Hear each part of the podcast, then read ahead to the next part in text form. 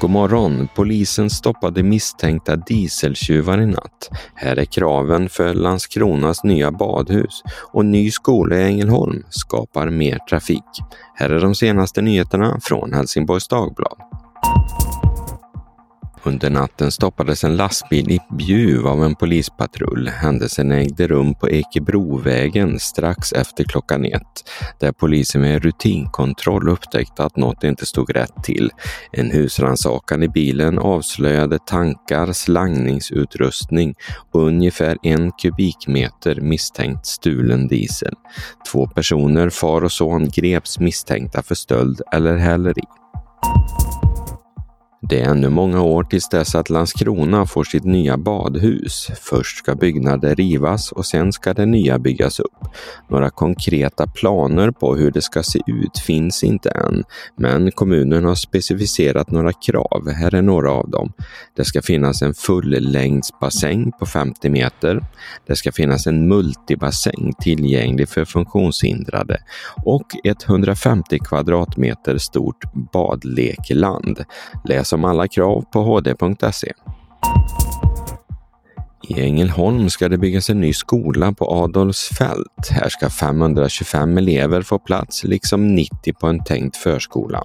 Men vägen till skolan ska gå genom ett befintligt villaområde och det gillas inte av några av dem som bor där idag.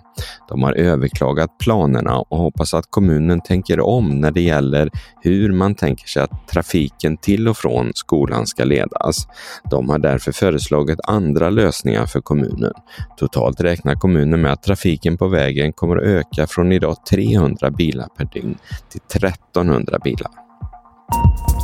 Finland har fått en ny president. I gårdagens val vann Alexander Stubb med mycket liten marginal mot sin motståndare Pekka Haavisto. Alexander Stubb företräder Borgerliga samlingspartiet som är svenska Moderaternas systerparti i Finland. I en osannolik rysare tog Kansas City hem årets final i den amerikanska fotbollen mot San Francisco med 25-22. Matchen spelades i natt svensk tid och innebär att Kansas City vunnit tre gånger de senaste fem åren. När klockan visade full tid stod det 19-19 och matchen gick till förlängning som till slut alltså Kansas vann. En stor snackis inför matchen var om megapopstjärnan Taylor Swift skulle vara på plats för att heja på sin pojkvän Travis Kells i Kansas City, vilket hon var. Och så vädret. Idag blir det snöblandat regn och endast någon enstaka plusgrad. Det blåser dock svagt och mestadels från norr.